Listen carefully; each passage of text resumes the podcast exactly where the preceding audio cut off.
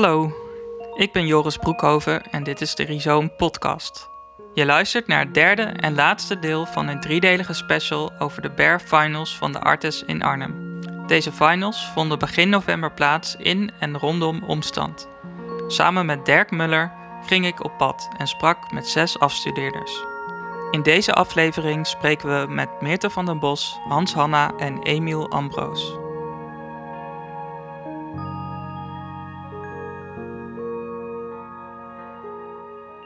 Oké, ik zit hier bij Uh, Meerte van den Bos. en we zitten nu even buiten, maar jouw werk, ja, jij werkt in verschillende media. En wat is er binnen te zien in, eh, in Omstand? Uh, binnen is een ruimte, een hele donkere ruimte. En in die ruimte staan eigenlijk glazen bakken op elkaar gestapeld. En eh, door die glazen bakken heen eh, is een projectie te zien van eh, mij in allemaal verschillende outfits. Eh, van allemaal verschillende personages die, die poëzie opzegt. Ehm, wat heel erg gaat over, over het verlangen naar een natuurfenomeen zijn. Ehm, en de ruimte, door de glazen bakken in de ruimte, doordat die projecties daar doorheen komen, weerspiegelen ze eigenlijk op alle wanden terug. Dus het is een soort van prisma-effect. Dus wanneer je de ruimte binnenkomt, word je eigenlijk compleet omringd door, ehm, ja, door verschillende personages. Ja, en, eh, en de ruimte is, heel, is best wel hoog, dus je kan een trapje op. En eh, inderdaad heel donker. En, en wie is dat personage? Ja, het zijn eigenlijk allemaal verschillende eh, personages die ik zelf wel speel. En het zijn eigenlijk allemaal verschillende kanten van mij die eigenlijk hetzelfde eh, verlangen belichamen om een, een non-menselijk fenomeen te worden. Ehm, en ze zijn eigenlijk allemaal helemaal uitgedost en dat slaat heel erg op eh, het sprookje van het kapitalisme. We worden heel erg opgevoed met dat we alles kunnen zijn wie we willen. Maar we zouden nooit de wind kunnen zijn of we zouden nooit de zee kunnen worden. En mijn installatie is eigenlijk een poging om dat wel te worden binnen, binnen een kapitalistisch systeem. En wat je, eh, je reciteert stukken uit eh, je bundel, eh Omaard me. Eh, kan je daar wat over vertellen? Ja, het is een bundel waar ik negen maanden aan heb gewerkt. Dus het is echt mijn baby. en die bundel is volledig ecologisch gemaakt. Het papier is allemaal van gerecycled papier. De inkt is op sojabasis. En in die bundel zijn ook tekeningen. En sommige tekeningen zijn gemaakt op groeipapier. En dat is papier waar zaadjes in zitten. En die kan je dan uitscheuren en die kan je planten in je tuin. En dan worden de tekeningen eh, ja, die transformeren eigenlijk dan ook tot, tot bloemen. En eh, alle poëzie in die bundel gaat ook over metamorfose en verandering. En ja, dat, dat verlangen naar zo intiem zijn met de wereld om je heen, dat je die eigenlijk wordt uiteindelijk. Ja, het gaat in jouw werk heel veel over de relatie tussen mens, dier, omgeving. Waar komt die interesse eh, bij jou vandaan voor dit onderwerp? Ja, die interesse die is er eigenlijk altijd al wel geweest. Ik eh, ben opgegroeid heel uh, dicht bij het bos. En uh, ik was altijd heel erg gefascineerd door, door de natuur. En um, ik heb ook als, als kind wel en ook in mijn, in mijn puberteit heb ik me eigenlijk heel erg gedisconnect gevoeld van, uh, ja, van de wereld om me heen. Ik wist, ik wist nooit zo, ik was heel snel overprikkeld en ik wist nooit zo goed hoe ik daar allemaal mee om moest gaan. En dat is eigenlijk een heel erg diep en inherent verlangen om, om dat toch dan te begrijpen en daaraan aan vast te houden. En um, daar is het eigenlijk mee begonnen. En uh, ja, door gewoon mijn hele carrière op de kunstacademie is het helemaal doorontwikkeld. En is ook mijn ja, hele interesse voor het kapitalistisch systeem, waardoor denk ik een hele grote disconnectie maatschappelijk ontstaat. Uh, heb ik dat eigenlijk, ja, ben ik dat aan het onderzoeken van hoe ik dat samen kan voegen. En je, je zegt nu grote dis disconnectie. Mm -hmm. Maar ik las ook volgens mij ergens dat je, dat, dat, dat een disconnectie lijkt, maar niet is. Uh, dat we altijd met objecten in, in intieme relatie hebben. Ja, nee, daar heb je gelijk in inderdaad. Het is, um, Eh, het is eigenlijk een quote van Tim Ingold. En hij is uh, antropoloog. En ehm, hij, zegt op, hij had op een gegeven moment in een lezing ook gezegd... de relatie met de objecten om ons heen is eigenlijk zo intiem... dat we het niet eens meer opmerken. En dat uh, vind ik zelf ook heel fascinerend. Het is eigenlijk inderdaad een hele...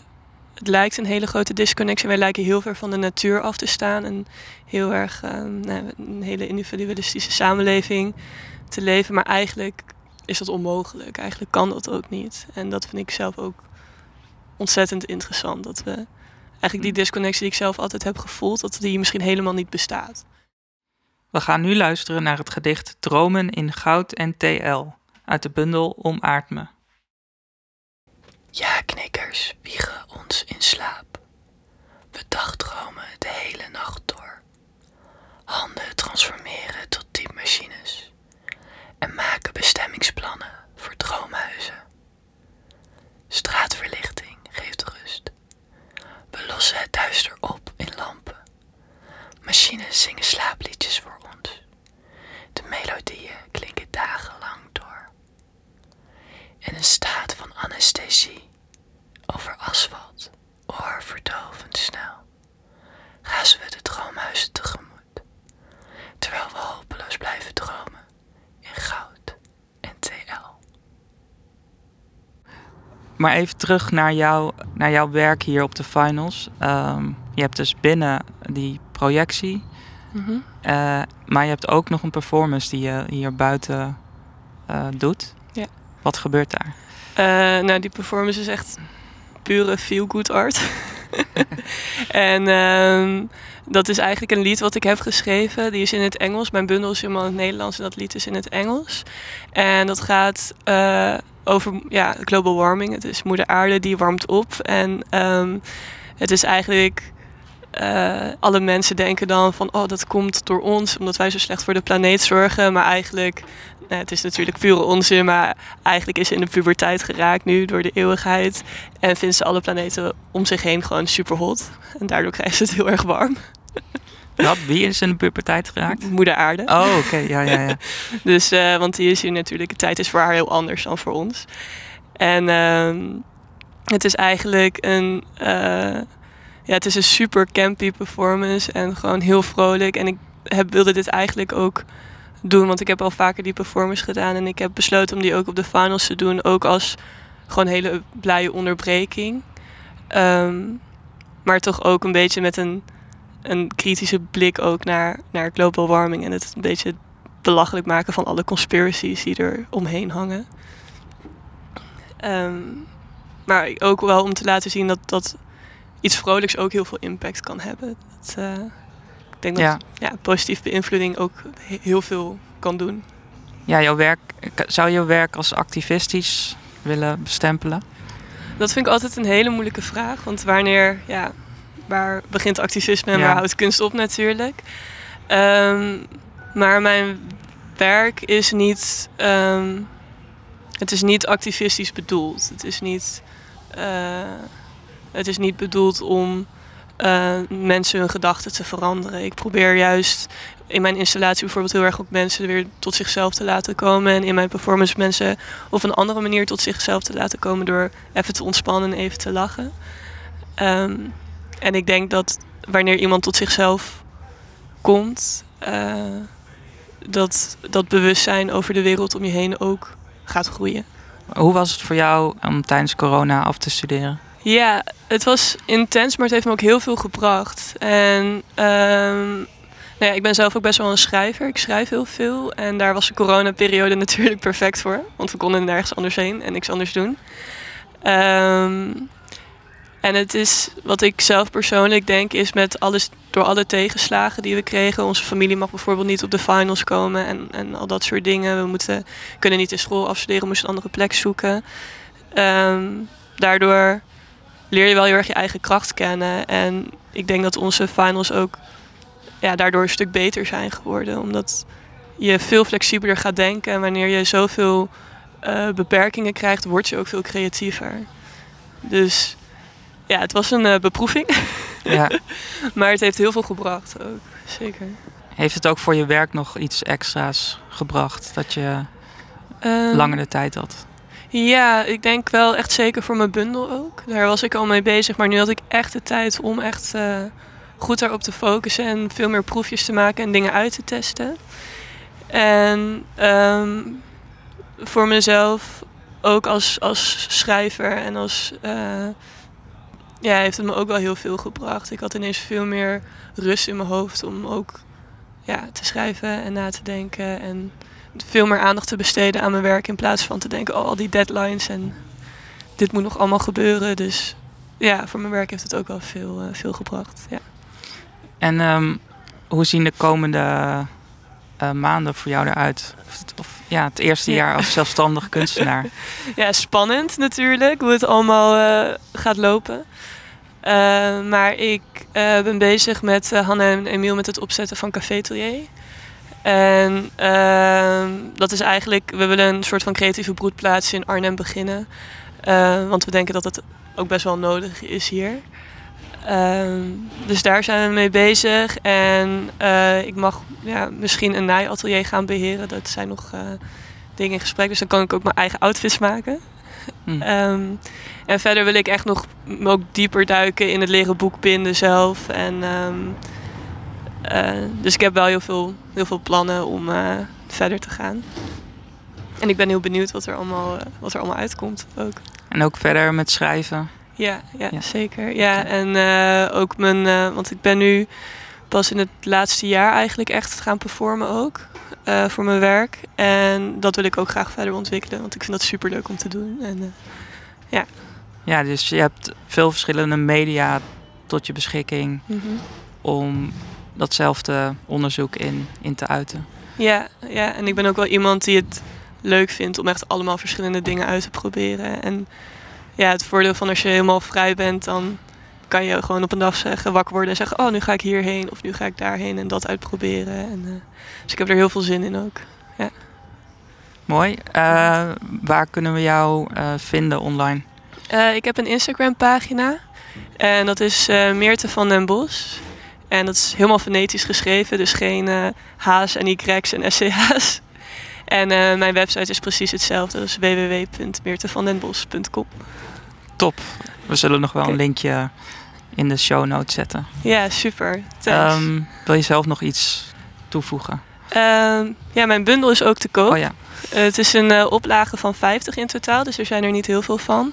En ze kosten 22,50. En als je er één wil hebben, kan je gewoon een eh, berichtje sturen via Instagram. En op mijn website staat ook mijn e-mail. ja, dan kan je een plantje laten groeien uit een van jouw pagina's. Ja, precies. Ja, dus het is een boekje en een tuin. in één. Voor maar Ja. 22,50. precies. Oké. Wees er snel bij. Dankjewel, Meerte. Ja, bedankt.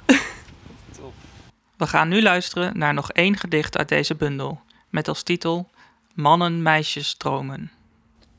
We geven orkanen meisjesnamen, dan zijn ze minder dreigend. Meisjes laten mannen slapen, meisjes laten mannen dromen. Meisjes hebben mannen dromen, dromen over handen die veranderen, van handen die helen naar handen die handelen. Mannendromen worden meisjesdromen. Mannen, meisjes dromen over verlangen. Verlangens voor grote voetafdrukken. Van meisjes, van mannen. Mannen, meisjes lopen achter verlangens aan. En vergeten te schuilen voor de orkaan.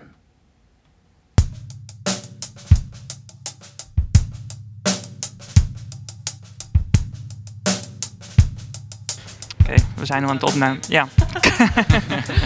Oké.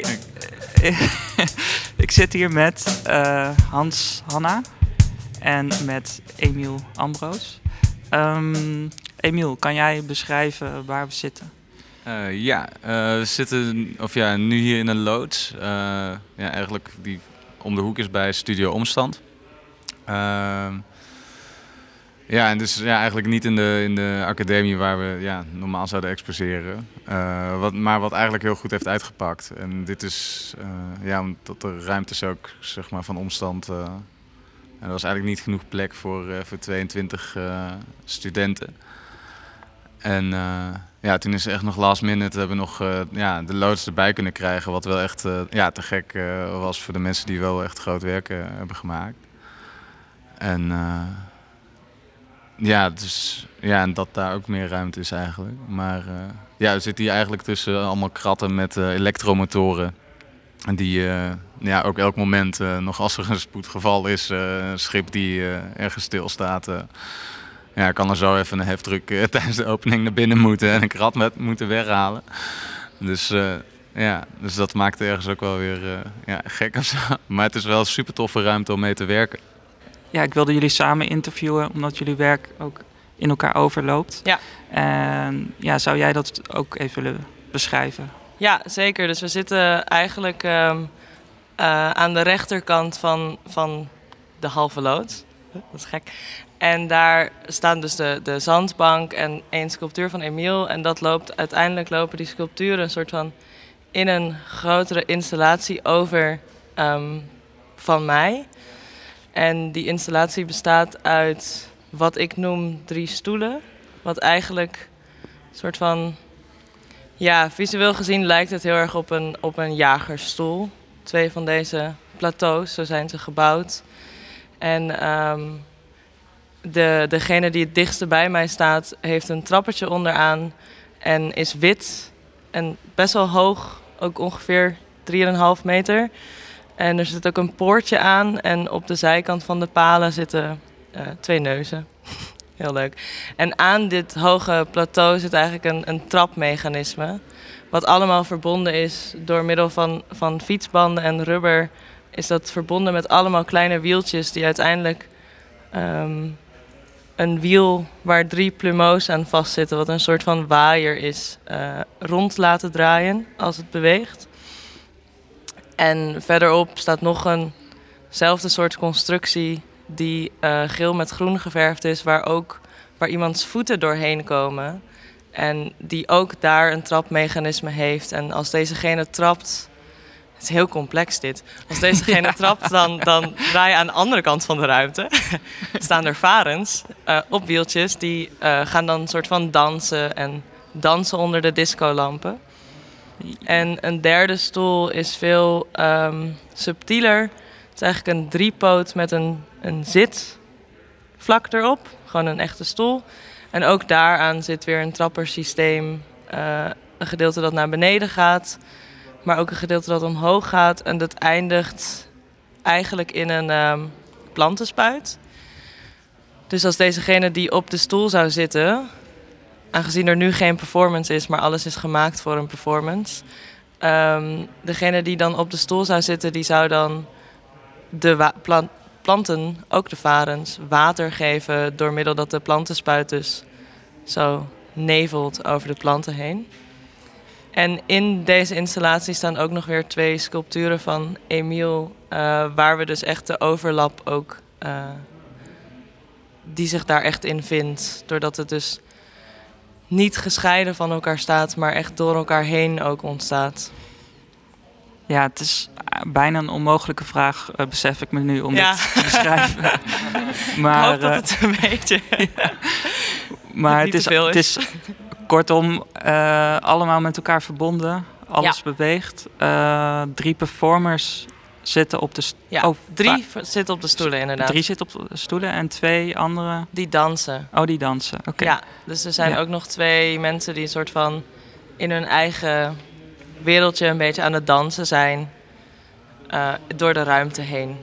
En ehm, laten we eerst even op jouw werk eh, inhoudelijk dan ingaan. Ehm, het heet eh The Winner.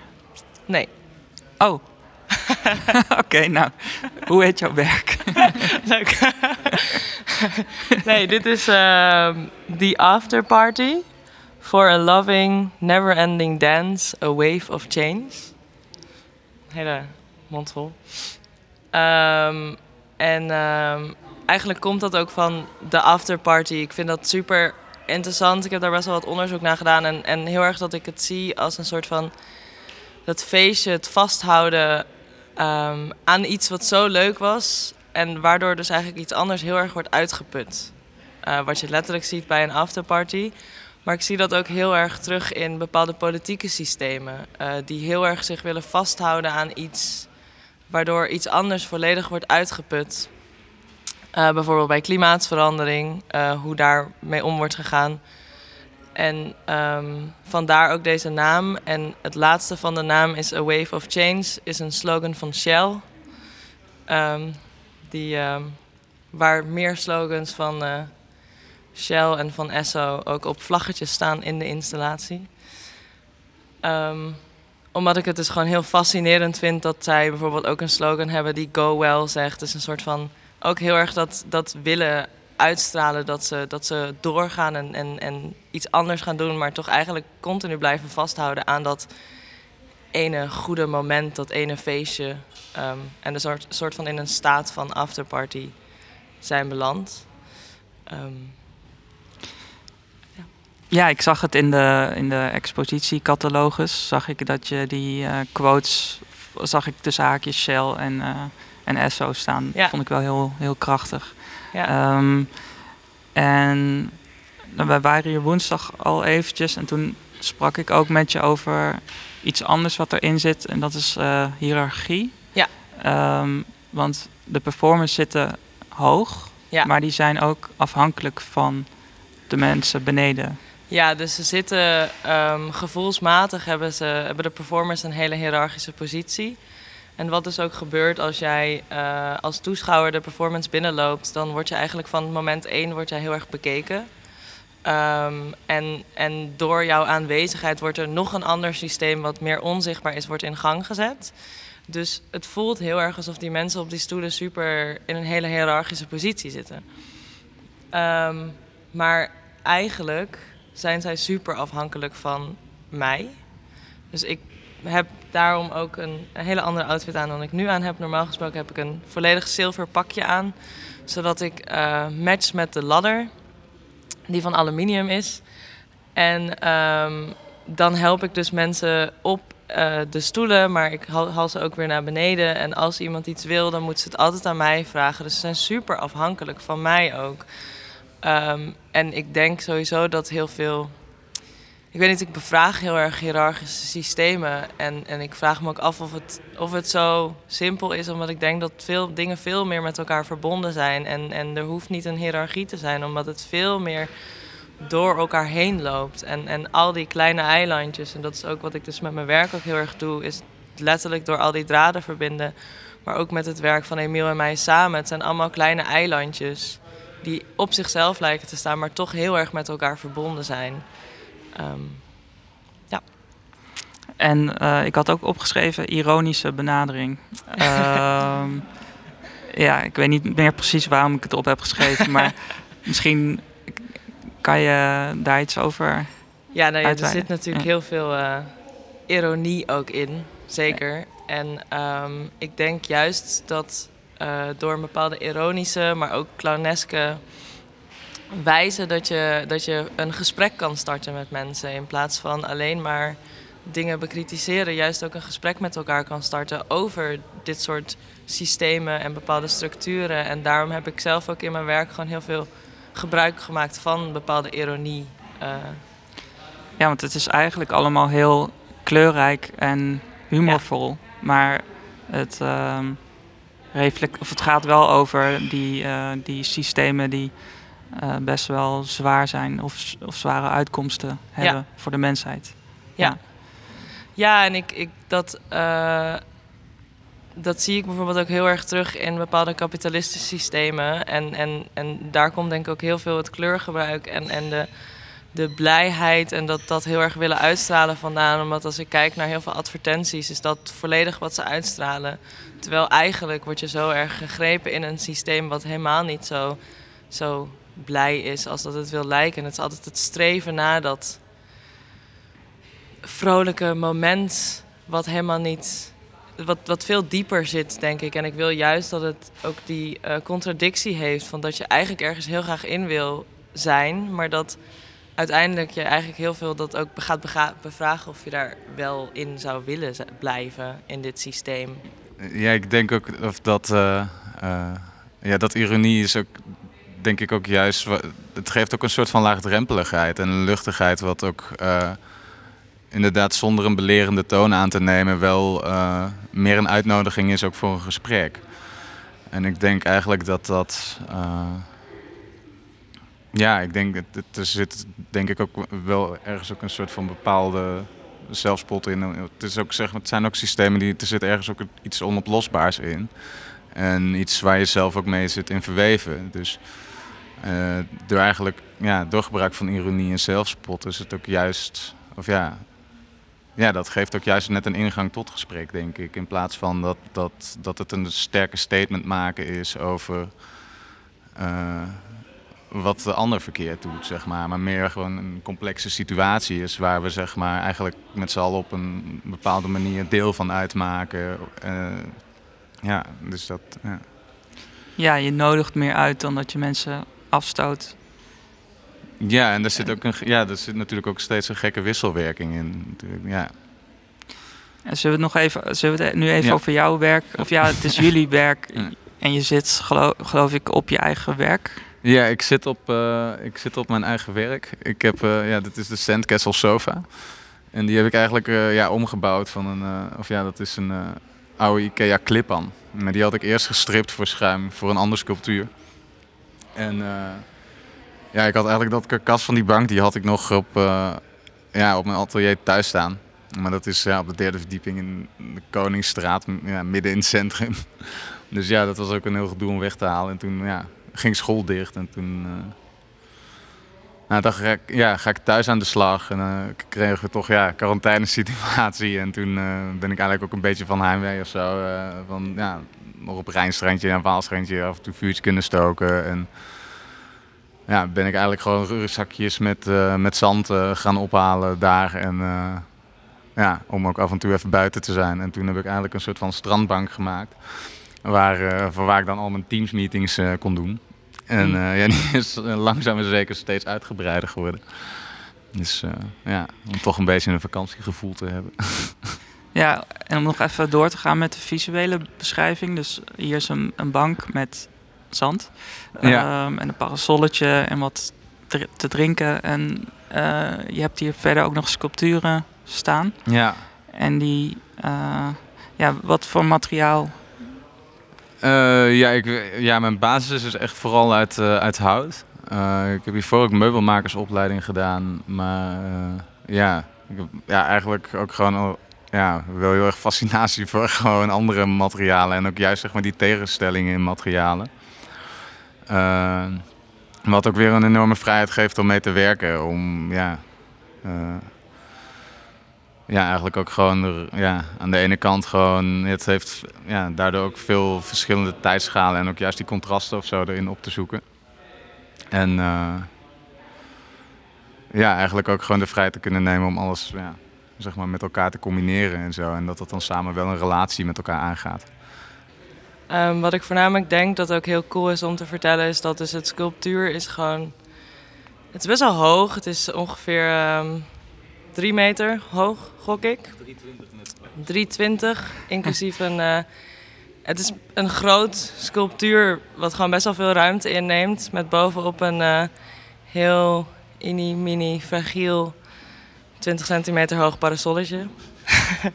dus net gehoord. En het hele sculptuur bestaat eigenlijk uit hele uh, organische vormen die overlopen in hele hoekige vormen. En, en waar een gedeelte is uh, ook weer gemaakt van piepschuim. En een, daaronder eigenlijk steunt het allemaal op een heel groot blok schuim. Wat heel absurd is, want het, dat, het is zo zwaar. En, en je zou eigenlijk bijna denken dat het niet zou kunnen op zo'n blok schuim wat ik bij jou had opgeschreven was uh, het, het, niet thuis voelen, uh, wat je noemt in je tekst.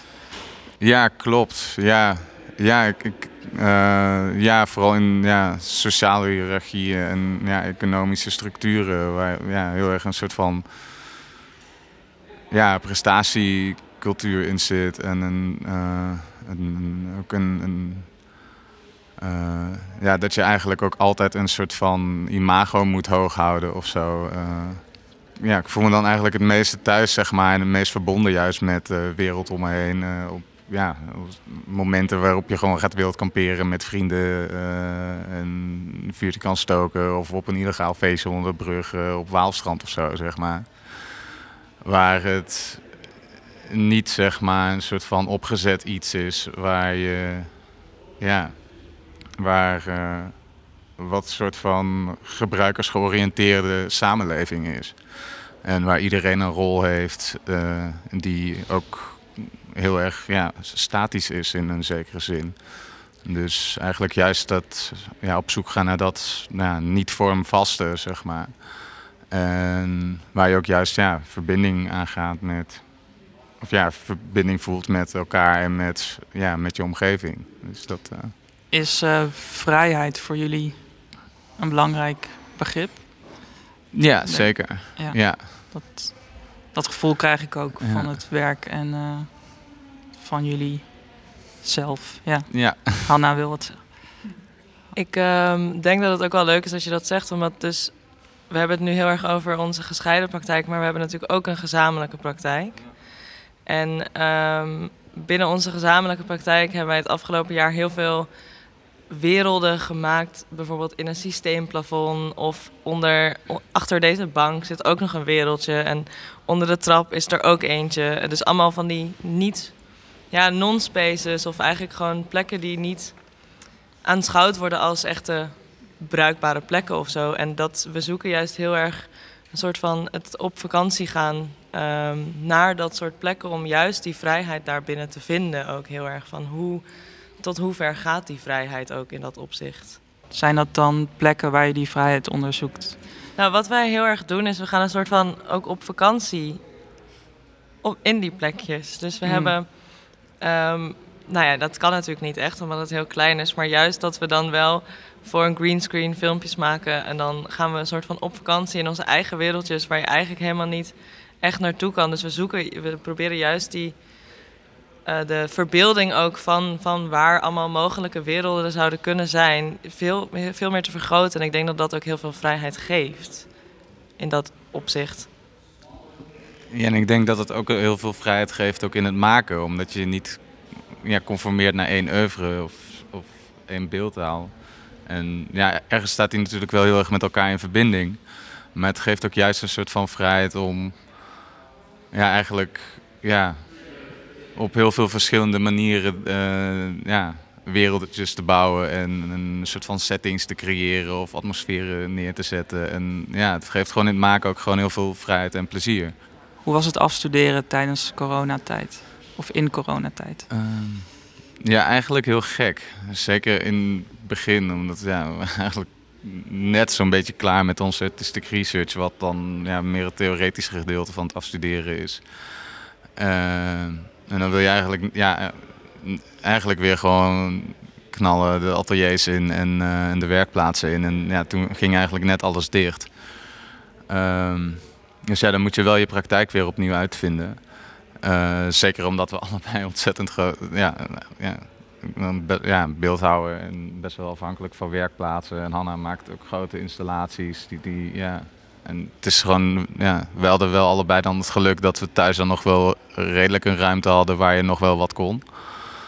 Uh, maar het is vooral ook gewoon heel erg chaotisch met ja, organisatorische dingen, met ja, niet weten waar je aan toe bent, niet weten, ja, we wisten echt pas tot twee weken voor de beoordeling nou dat de loods een go was. uh, en konden er een week voor beoordeling pas in. We hebben in vijf dagen moeten opbouwen voordat we onze eindbeoordeling hadden. En dus, uh, maar tegelijkertijd, ja, het, de extra tijd die we gehad hebben, heeft ook voor heel veel mensen heel goed uitgepakt. Uh, en ja, het is, er zitten wel echt meerdere kanten aan. Maar ja, het is natuurlijk wel heel hectisch. En ja, ja, het heeft ook wel, denk ik, mensen hun werk ook wel gevormd. Uh, ik denk dat het voor mij um, heel anders ook is geweest, omdat ik natuurlijk heel veel werk met performances.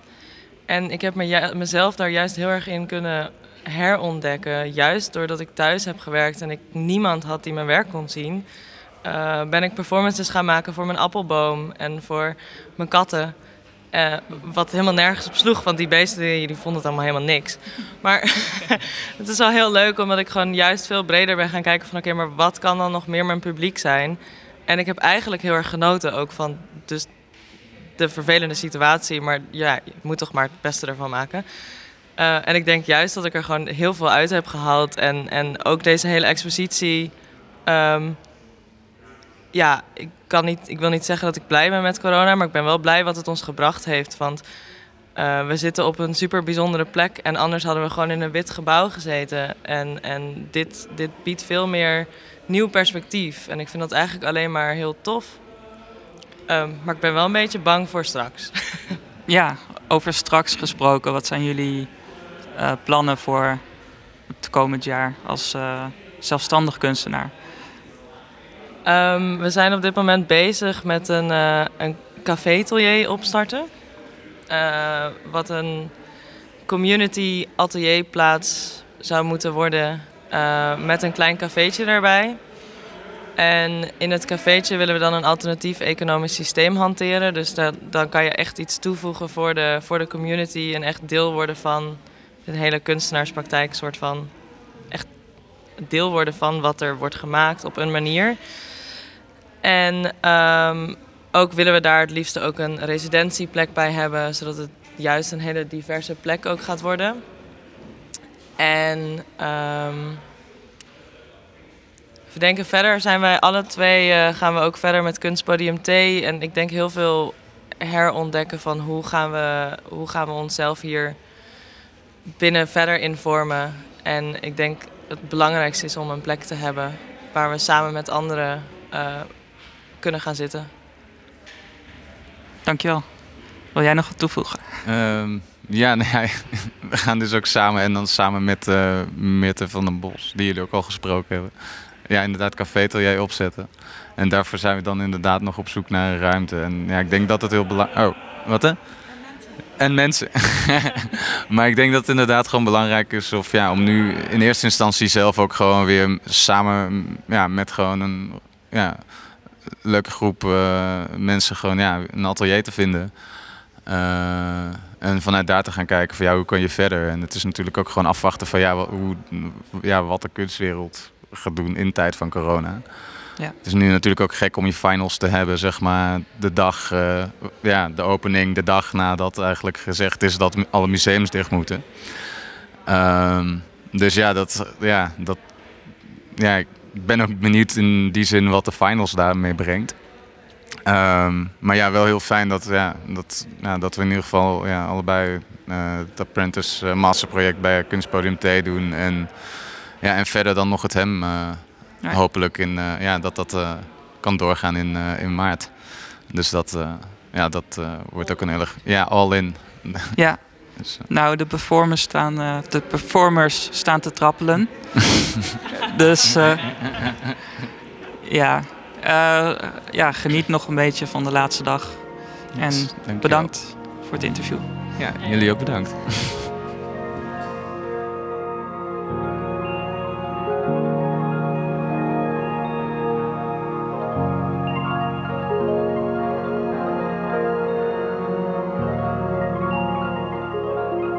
Bedankt voor het luisteren naar het derde deel van deze special over de Bear Finals. Ik wil graag Meerte, Hanna en Emiel bedanken voor hun medewerking. Aan deze aflevering werkten mee Joris Broekhoven voor het interview en de edit, Dirk Muller voor de assistentie bij het interview en Robin Speyer voor de feedback. De muziek in de intro en outro is van R. Benny. De drumsolo in het midden van deze aflevering is van Jitse Miedema de drummer van Wasted Youth Club, en werd geproduceerd voor het performancewerk The After Party voor Loving Never Ending Dance, A Wave of Change van Hans Hanna. Meer informatie over Rhizoom vind je op onze website rhizoom.art. Volg ons op Instagram laagstreepje En als je deze podcast leuk vindt, abonneer je dan op ons kanaal op Spotify of Soundcloud.